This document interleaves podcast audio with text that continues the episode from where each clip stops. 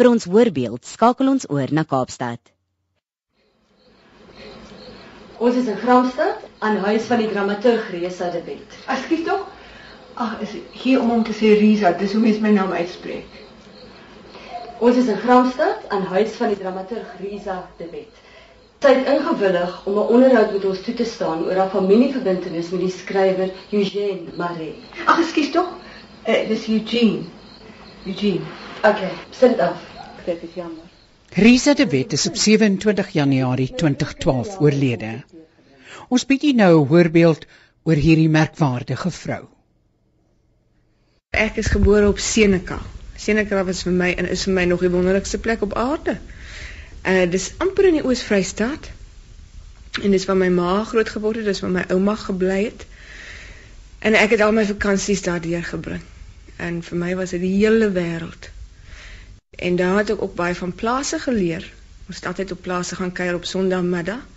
En dan ry ons terug huis toe as die son sak. En as mens by die huis kom, dan kry jy sop en biltong en sit voor die vuur. Ah, lieflik, wonderlik. Familievriend Ellen Botha. Ek en Risa ken mekaar al van baie klein tyd af. Ons was baie groot vriende met haar ouers en ook met haar ouma hulle en hulle het baie gereeld Senekal toe gekom en my pa was die digter AD Keet. So hulle was ook baie groot huisvriende want daar was soveel dinge wat vir hulle uh van dieselfde belang was. Sy was reg van die begin af 'n klein alleenlopertjie. Sy was net anders. Die Engels het 'n vreeslike mooi woord, 'n changeling. En ek is seker Risa was 'n changeling. Vriend en kollega Roo Engelbrecht. Haar ouers en haar ouma was amper buitestanders. Hulle was eksotiese mense, so gesellig en kunstig. My ouma het byvoorbeeld pragtig gesing. Hulle wou haar in hulle skala neem toe sy jonk was, maar sy was te bang. Sy het gesê dit was te ver en ek het haar baie keer sien sing. En sy het so 'n wonderlike transformasie ondergaan. En dan sê my ouma en dan skielik staan sy daar pragtig aangetrek. En hierdie onverklaarbare stem uh, kom uit haar uit. En omdat sy soms in Italiaans gesing het was dit sommer 'n ander taal ook. Dis amper asof jy enige een van daardie drie Risa se ouma en haar ma Totti en syself in enige wêreldstad kan sit. Hulle sal inpas daar. Die regisseur Martinus Basson. Risa het enorme karisma gehad. Sy was 'n ongelooflike mooi vrou met 'n magiese kwaliteit om haar. Annelise Weiland. Sy het 'n tipe van 'n esoteriese gevoel gehad. Sy was 'n ontsettende spirituele mens. My ma wat baie in operettas gesing het, ook 'n baie mooi stem gehad het en sulke pragtige kostuums op die verhoog en uh, wat ook altyd 'n baie sterk gevoel gehad het vir die teater. En my altyd vertel het van Andre Huguenis het hom persoonlik geken. Sy het repetisies bygewoon. En uh, dit was sy wat my geneem het na Yskrieger se die goue kring. Sy het die rekwisiete gemaak daarvoor. En natuurlik behalwe dit het my ma vir my veeverhale gelees, aanhoudend. En ek was baie sieklik toe ek klein was. So ek het aanhoudend vir verhale gehoor. En uh, sy ook die donkere aspekte van die lewe. Ek het byvoorbeeld toe ek baie klein was 'n veevraag gehoor en dan het my ma vir my Mabelel gelees. Dit was vir haar vreeslik aangrypend. So ek het die effense makabre bizarre aspekte van van van veeverhale en van uh Mabelel byvoorbeeld het ek saam met amper saam met my moeder se melk uh, ingeneem is omdat my ma en my ouma baie skepende mense en uh is of was dan af van hoe mens voor hiernamaals maar ehm um, en 'n baie opwindende omgewing uh vir my gegee het om in te om in te lewe. Hulle dit was nie intellektueel prikkelend nie. Dit was meer verbeeldingryk en ehm um, 'n um, misterieuse kwaliteit veral my ouma 'n baie sterk uh vroulikheid 'n mistiek omtrent my my ouma wat my altyd en nog aangryp. Riese se pa was die regter Ons het hom om Gannie genoem want hy het altyd gesê hy gaan nie saam met hulle na uitvoerings en opvoerings nie. En so het almal hom naderhand Gannie begin noem. En dit was sy naam. en uh, ek het uh, skool gegaan op Bloemfontein. Oranje meisieskool. Ek was ook in Kimberley. Was ons vir 'n jaar of 2. Ook 'n rukkie in Seneka terwyl haar ouers oor see was. Toe universiteit toe Vrystaat Universiteit drama, Kaap drama, letterkunde in die Kaap. Toe het ek verder studeer in meestersgraad op Unisa. Maar die teater het my altyd heeltemal aangegryp. Die eerste keer toe ek 'n verhoog sien met die gordyne was my uh, so oomblik. Ek ek was heeltemal oorstelp en ek het gewonder wat is agter die gordyne? Is dit 'n duiwel of of is dit 'n engel? Maar dit is iets onbeskryflik en misterieus. En ek dink van daai oomblik is ek vasgevang in hierdie ander wêreld wat wat die teater kan skep. Maar ek het eers ehm um, natuurlik was eers 'n aktrise en nou die teater was vir my baie moeilik. Die is ek neem ontsettende lewensenergie om op 'n verhoog te klim en ek het nie baie energie nie. Ek dink dit is baie belangrik, dit was my belangrikste on, uh, ondervinding of ervaring waar dit skryf aangaan om binne in 'n stuk te kom. En al die speel wat ek gedoen het op op universiteit ook om binne in 'n stuk te kom, om die stuk eintlik te ondervind. Dit is waarom dit so lekker is om met haar werk te werk en met akteurs aan haar werk te werk is dat dat sy verstaan teater. Sy was teatraal as 'n as 'n as 'n persoonlikheid. Sy sy was 'n aktrise. Sy het klas gegee in drama. Sy was self 'n regisseur. Jy weet so sy het haar vak so so deeglik geken en ek dink dit gee haar werk vir my 'n voorsprong oor baie ander mense. Die akteur David Minnar. Behalwe dit natuurlik was sy 'n akteur se droom. Sy het die wonderlikste karakters geskep. So as akteur was dit altyd 'n fantastiese voorreg en uitdaging om met haar werk om te gaan omdat dit so ryk en diep en uh uh dit was so veelsidig ook dit het soveel kante gehad en vlakke gehad. Uh dit is nooit net eenvoudig nie. Dit so dit was wonderlik om dit al werk te doen te hê. Dit was verskriklik lekker om vir Lisa te ontwerp altyd. Ek het omtrent 5 produksies van werke van haar ontwerp. En dit was vir my veral lekker omdat Lisa so maklik was om mee te praat en sy het 'n verskriklike uh soos die Engelse sê vivid verbeelding gehad. So sy kon vir jou baie baie vinnig haar vinger presies op die regte visuele klank as ek so kan sê uh neersit. So dit was dit was baie opwindend om saam met haar te werk en sy was altyd so entoesiasties oor oor haar werk en oor jou bydrae tot die werk.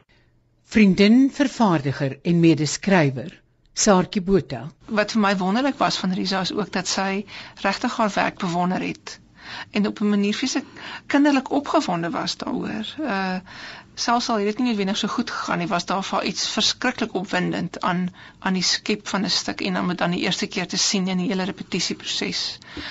Sy was trots op haar werk. Maar ek dink ook omdat sy andersins redelik gereserveerd was, was dit die een soort van ehm um, bietjie exhibitionisme wat sy haarself gegun het, is om om opgewonde te wees. Maar dan sê dit ook later 'n bietjie afgemaak, maar ek dink my ervaring van haar was dat definitief dat die eerste aanvanklike impuls van opgewondenheid en tevredenheid was reg.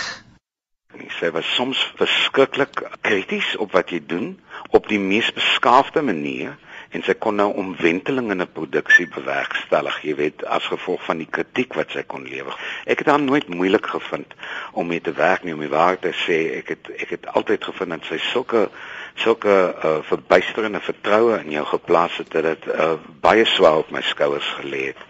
Uh ek het ook altyd gevoel dat met haar eerste produksies omdat sy so so ongelooflik uh bedag skryf en dat haar uh, teksaanwysings so deur deur dink is en dat haar uh teksture so ingevleg is in in haar tekste, het ek nooit haar werk benader soos ek byvoorbeeld 'n Shakespeare sou doen waar baie keer sou doen wat ek 'n vorm van free falling noem. Jy weet waar jy fantasieer op 'n teks wat al soveel keer gedoen is nie. Ek het ek het ek het ek het regtig die die verantwoordelikheid om dit te probeer doen volgens haar visie uh, aanvaar as myne en dit het die werksproses baie vergemaklik. Ehm um, wanneer sy kritiek gelewer het, uh, was dit altyd baie breekbaar. Sy het nooit ingemeng nie. Sy was baie ondersteunend, sy was baie entoesiasties dit sy het so 'n uh, fantastiese uh, energie gehad, innerlike energie. Uh, behalwe die feit dat sy so 'n merkwaardige mens was. Sy het regtig 'n ingebore uh, grasie en elegansie gehad en sy het hierdie adelike indruk geskep. Sy is absoluut uniek. Jy weet heeltemal haar eie mens ook en so individualisties. Dit was regtig uh, wonderlik om in haar dampkring te gewees het of kon wees en dan natuurlik haar intelligensie en haar fyn aanvoeling vir vir die taal en en dan ook vir die makaber en die banale wat sy so liries kon hanteer dit was ag sy was wat my aan betref oh, ek ek is nie die enigste een wat sal sê dat uh, jy weet vanaf haar eerste werk op die planke gebring is tot met haar sterfte was sy ongetwyfeld die grootste dramaturg wat ons gehad het. Ek dink iemand soos sy kom net een keer in 'n generasie verby as 'n mens gelukkig is. Sy is hele paar keer bekroon vir haar werk, ook twee keer met die Hertzogprys vir drama. Hier is haar reaksie nadat sy dit die eerste keer ontvang het. Wat ek voel, die teater is 'n kollaboratiewe kuns. En die prys is vir werk wat baie mense gedoen het. Regisseurs, akteurs, mense wat geglo het in die werk, is natuurlik baie duur om produksies op die planke te bring. So bestuure soos die Mark en Kruik. So daar's baie mense en natuurlik 'n stuk verander as hy nou eers opgevoer is. En elke akteur en regisseur dra iets by tot 'n stuk. So ek is ek was bly ek het gevoel ons kry almal 'n uh, 'n beloning vir baie jare se se harde werk. Ek het tog altyd gedink ek werk in die teater. En skielik 'n letterkundig uh, bekroning is vir my 'n wonderlike en verbasende ehm um, ding om te gebeur. 'n Ander aspek is dat hierdie prys toegeken is aan byvoorbeeld Eyskriege en aan Bartus Smit En daarom is dit vir my 'n groot eer om om hierdie prys te ontvang. Haar werk is ongelooflik belangrik want sy was die een persoon wat in Engels vertaal is wat die Afrikaanse teaterskrywers in kontak gehou het met die res van die wêreld. Ehm um, haar stukke is opgevoer in Amerika, in Griekeland, in Rusland, in Pole, die hele wêreld vol. Ehm um, en dit is werke wat oorspronklik in Afrikaans verskyn het. So Afrikaans het deur haar stem gekry op wêreldverhoë so daar dood is geweldig verlies ook vir die professie vir die teaterliteratuur en so aan jy weet sy ek dink wat haar werk vir my so merkwaardig gemaak het onder andere was die feit dat um, sy dit kon regkry om uit so 'n uh, absoluut persoonlike kreatiewe bron kon werk spesifiek en persoonlik maar daar werk het altyd daan geslaag om uit te styg bokant sy eie lokaliteit en grense en dan universele aspekte aangeneem. Dit was ongetwyfeld so dink ek en ek dink dit is die merk van 'n groot dramaturg dat die werk sy eie grense transcendeer. Die eerste stuk wat ek geskryf het, Diepe Grond, soos die ander, het begin by 'n beeld wat ek gesien het. 'n Kamer en mense. Sy het gesigte gesien en sy dinge beleef wat ons gewone mense nie verstaan het nie sy het net op 'n ander manier gedink. En ek is maar 'n lui mens. Dit het nou vir jaar na jare die beeld by my gebly.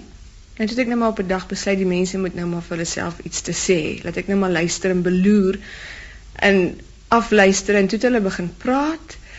En so het ek naderhand uitgevind waaroor die hele ding gaan. Maar dit begin by amper 'n obsessionele beeld. En uh die ander stukke het ook maar so begin is 'n beeld wat nie 'n werklikheid is nie, dit is amper 'n droombeeld. 'n Vervlegging van dinge wat ek seker geken het, maar wat skielik op daai manier, op 'n spesifieke manier bymekaar uitkom. Ek hoop dit spreek tot mense, my stukke. Ek probeer nie sosiale stellings maak nie, maar ek wil niemand veroordeel of uh, enige iets definitief probeer sê nie. Dit is meer ek wil net kommunikeer. My binnewêreld wil ek met ander deel. Diepe grond was een van daai grondverskuivende produksies in die Afrikaanse teater. Dit het nogal opslag gemaak want dit was net so nuut. Uh, dit was vernuwend. Haar werk was so vars en vreemd en uh, buitengewoon. Jy weet dat uh, uh, dit dit kon nie anders as om reaksie uit te lok van die publiek. Dit is baie opwindend. Ons is almal nuwe jong spelers en gretig en vol energie en opgewonde oor wat voor lê en so aan. En om dit so 'n uh, teks te kon gewerk het was net uh, dit was so wonderlike voorreg. Want jy het geweet jy was besig met iets buitengewoons iets nuuts in die teaterliteratuur Afrikaanse teaterliteratuur so dit het dit alles uh, baie opwindend gemaak. Sy het baie sterk idees gehad oor vir wie sy skryf en uh dit was altyd mense wat jy bitterlik graag mee sou wou werk jy weet so dit, daar was daar was selde of ooit uh enige konflikte in terme van van uh wie in die rolbesetting gaan. Sy het ook baie duidelik as sy gehou het van iemand en iemand het iets gebring graag weer vir hulle geskrywe sy het gevoel hulle bydra aan wat hulle na die verhoog te bring is van soveel belang dat dit haar geïnspireer het. Ek het diepe grond gedoen Hy het so komplekse, interessante ehm um, atmosfeer op die verhoog. En ek natuurlik ek dink baie van hom as 'n akteur, maar ek het hom gesien in hierdie rol.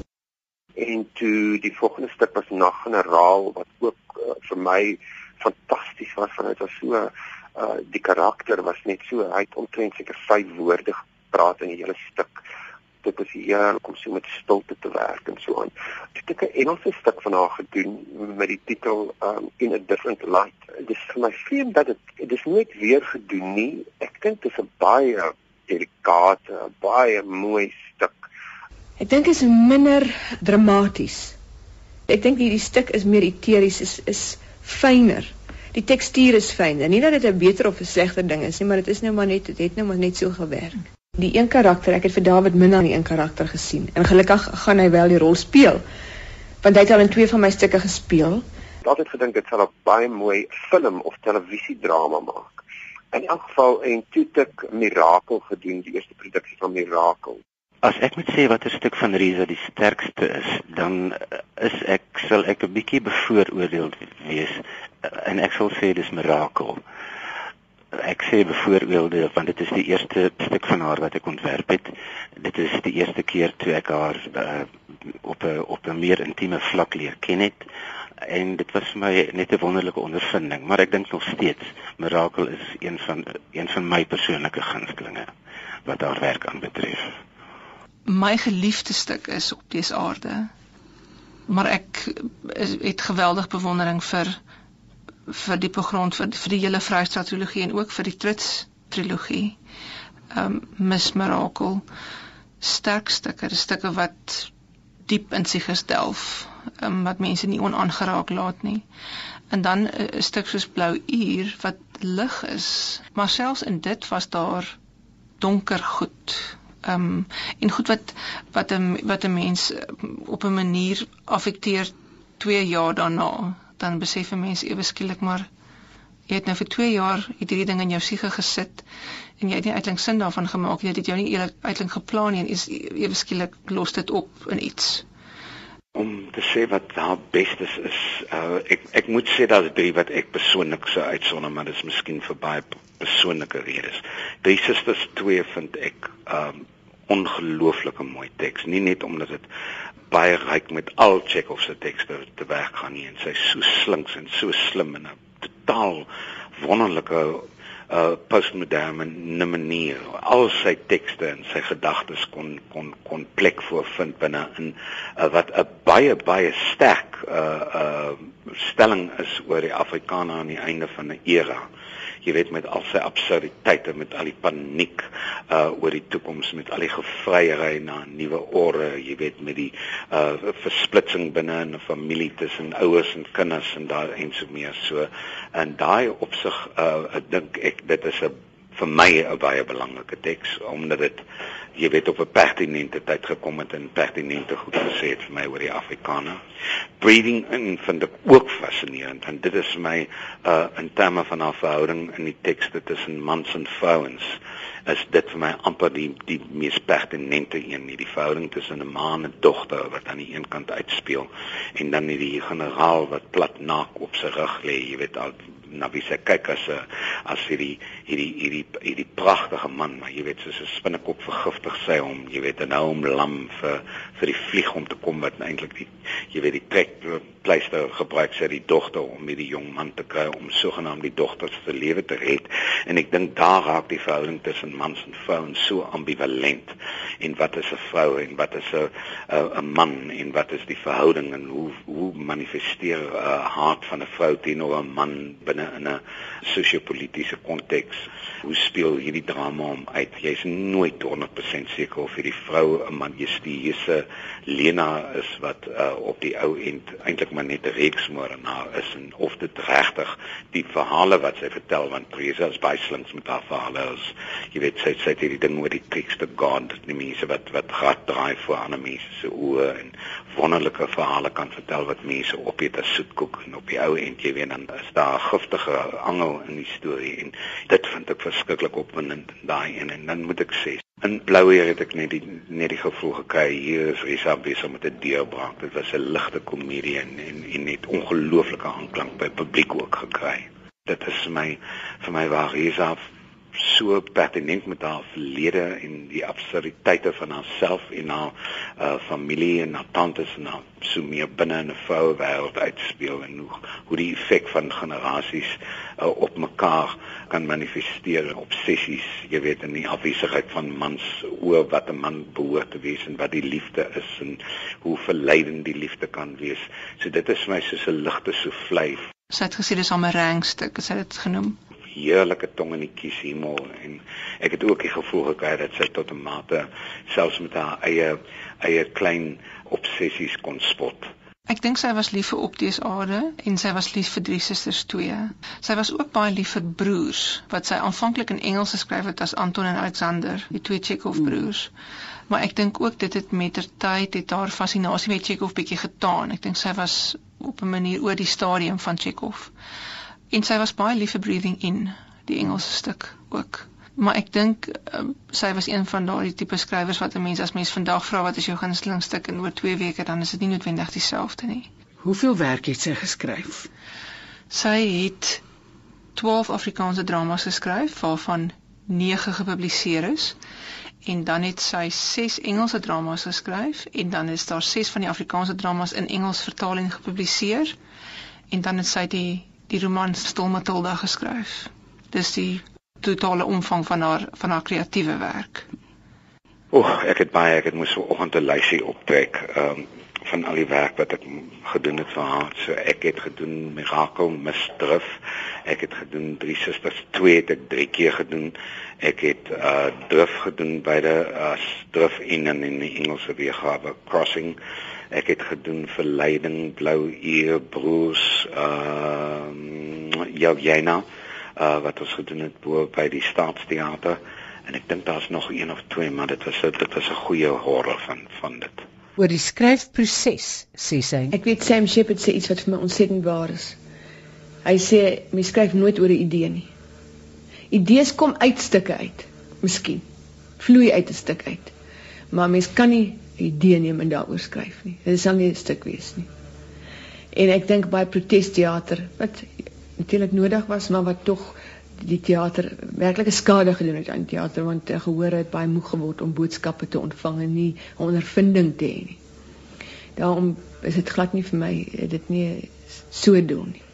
Eerstens sien ek of hoor ek in stadig kom die dinge soos so amper so 'n droomondervinding vir my om te skryf. So dit is 'n dringende, heeltemal 'n dringende noodsaaklikheid vir my om te skryf. En dit klink nou vreeslik uh, pretensieus, maar dit is waar. En ek wil graag hê 'n gehoor moet meegevoel word. 'n Gehoor moet voel soos ek voel as ek na na Chekhov kyk. ek weet dit is nou nie heeltemal moontlik nie, maar die soort gevoel van van 'n uh, 'n ander wêreld, 'n ander wêreld sodat mense verbeelding jou daai die die jy kan inleef in 'n ander uh, alternatiewe werklikheid.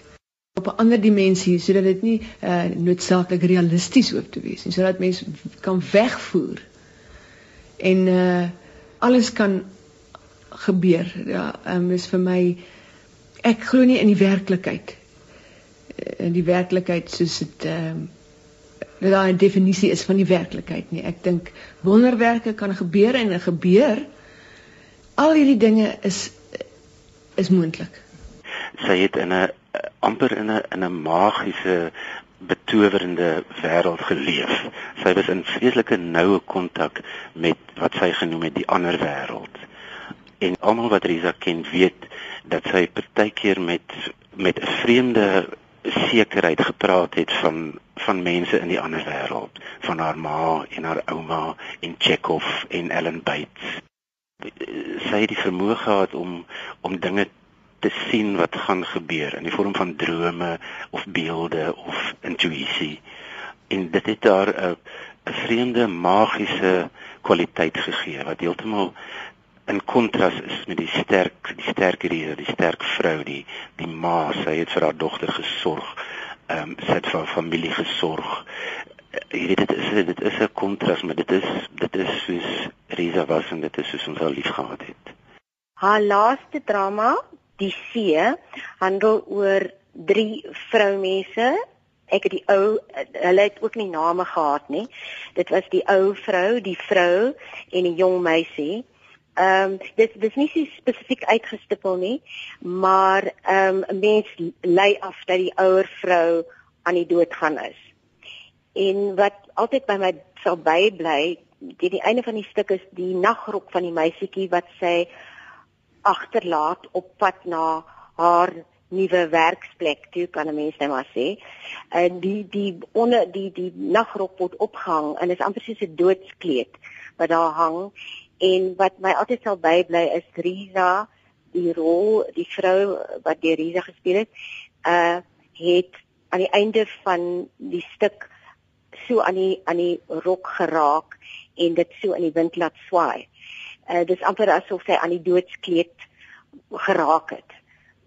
Nou na betragting natuurlik ek dink op 'n manier het sy die see spesifiek geskryf as 'n soort van bon voyage. Wie het vir my gesê dit is haar laaste toneelstuk en ek het natuurlik nie vir haar geglo nie maar dit was inderdaad so. Sy het ook gesê ehm um, dat hierdie stuk haar doodgemaak het. Risa het 'n openbare aankondiging gedoen na die see uh om te sê dat dit dat sy nie weer gaan skryf nie, dat dit haar laaste stuk is. En dit natuurlik is maar net weer 'n bewys dat sy het geweet. Sy ek het vir gevra Risa, uh, gaan jy regtig nie weer skryf nie? Sy sê dis my nee, sy sy weet, sy is nou klaar geskryf. Sy sy het gesê wat sy wou sê. So dit ja, dit dit het sy gesê en so het dit gebeur tot die bitter einde het sy hierdie krag hierdie verstommende krag weet het voorskyn gekom. Sy het besluit sy gaan nie vir 3 maande iewers in 'n vreemde stad in 'n hospitaalbed lê vir die chemobehandeling nie. Sy wil by haar mense wees, by haar familie en sy wil op 'n jy weet 'n stylvolle manier net afskeid neem van haar dierbares want dit is wat sy gedoen het die afgelope 2 maande. Jy weet sy het ons almal een vir een laat kom en gesels met ons. En um, ja. Die volgende uittreksel is deel van die slot van die drama Verleiding. In hierdie radioverwerking soos op die verhoog was Antoinette Kellerman die professor. Sy lees die afskeidsbrief van haar student wie se mentor sy was met die kennis wat ons nou het, kan daar sekerlik heelwat hierin gelees word. Die liefde is sterker as die dood. Ek vaar op die swart rivier. My boot is dun en bros soos 'n papierusblaar. Geen bries roer die seile nie. Die verstikkende lug ruik na seewier en swamme. Net slange gloei in die donker met 'n verneynige gloed. Gevurkte tonge spoeg oor die rand van die boot. Reusagtige anemone maak toe en oop, verrotting walm uit grotte en spelonke. Ek draai vas in die spiraal van duister maalkolke. Toe, soos 'n herinnering wat eers net vaagweg by my opkom, voel ek die lig, soos 'n fyn geweefde sygewaad wat oor my ledemate spoel. En dan hoor ek dit ook, soos die murmuring van my diepste hart. En eindelik die fyn bleek vingers wat my aanraak. Teer, intiem, soos 'n verlore beminde se fluistering. Jy sien my geliefde. Jy sien die bootjie klein, fragiel en dun het my tog veilig terugbring na jou. Na jou.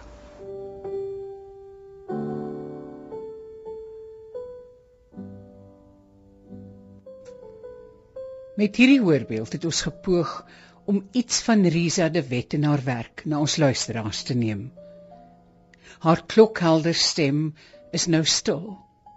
Maar haar woorde, karakters en stories leef wêreldwyd voort. Ten tye van die maak van hierdie voorbeeld was haar gesin nog in rou gedompel. Uit respek het ek gevoel ons kan haar huldig sonder om daardie proses te versteur. My dank aan Saartjie Botha, Martinus Bason, Ellen Botha, Annelise Wailand, David Minnar, Roo Engelbrecht en die SAK se klankargief. Hierdie voorbeeld is saamgestel en aangebied deur Magelait.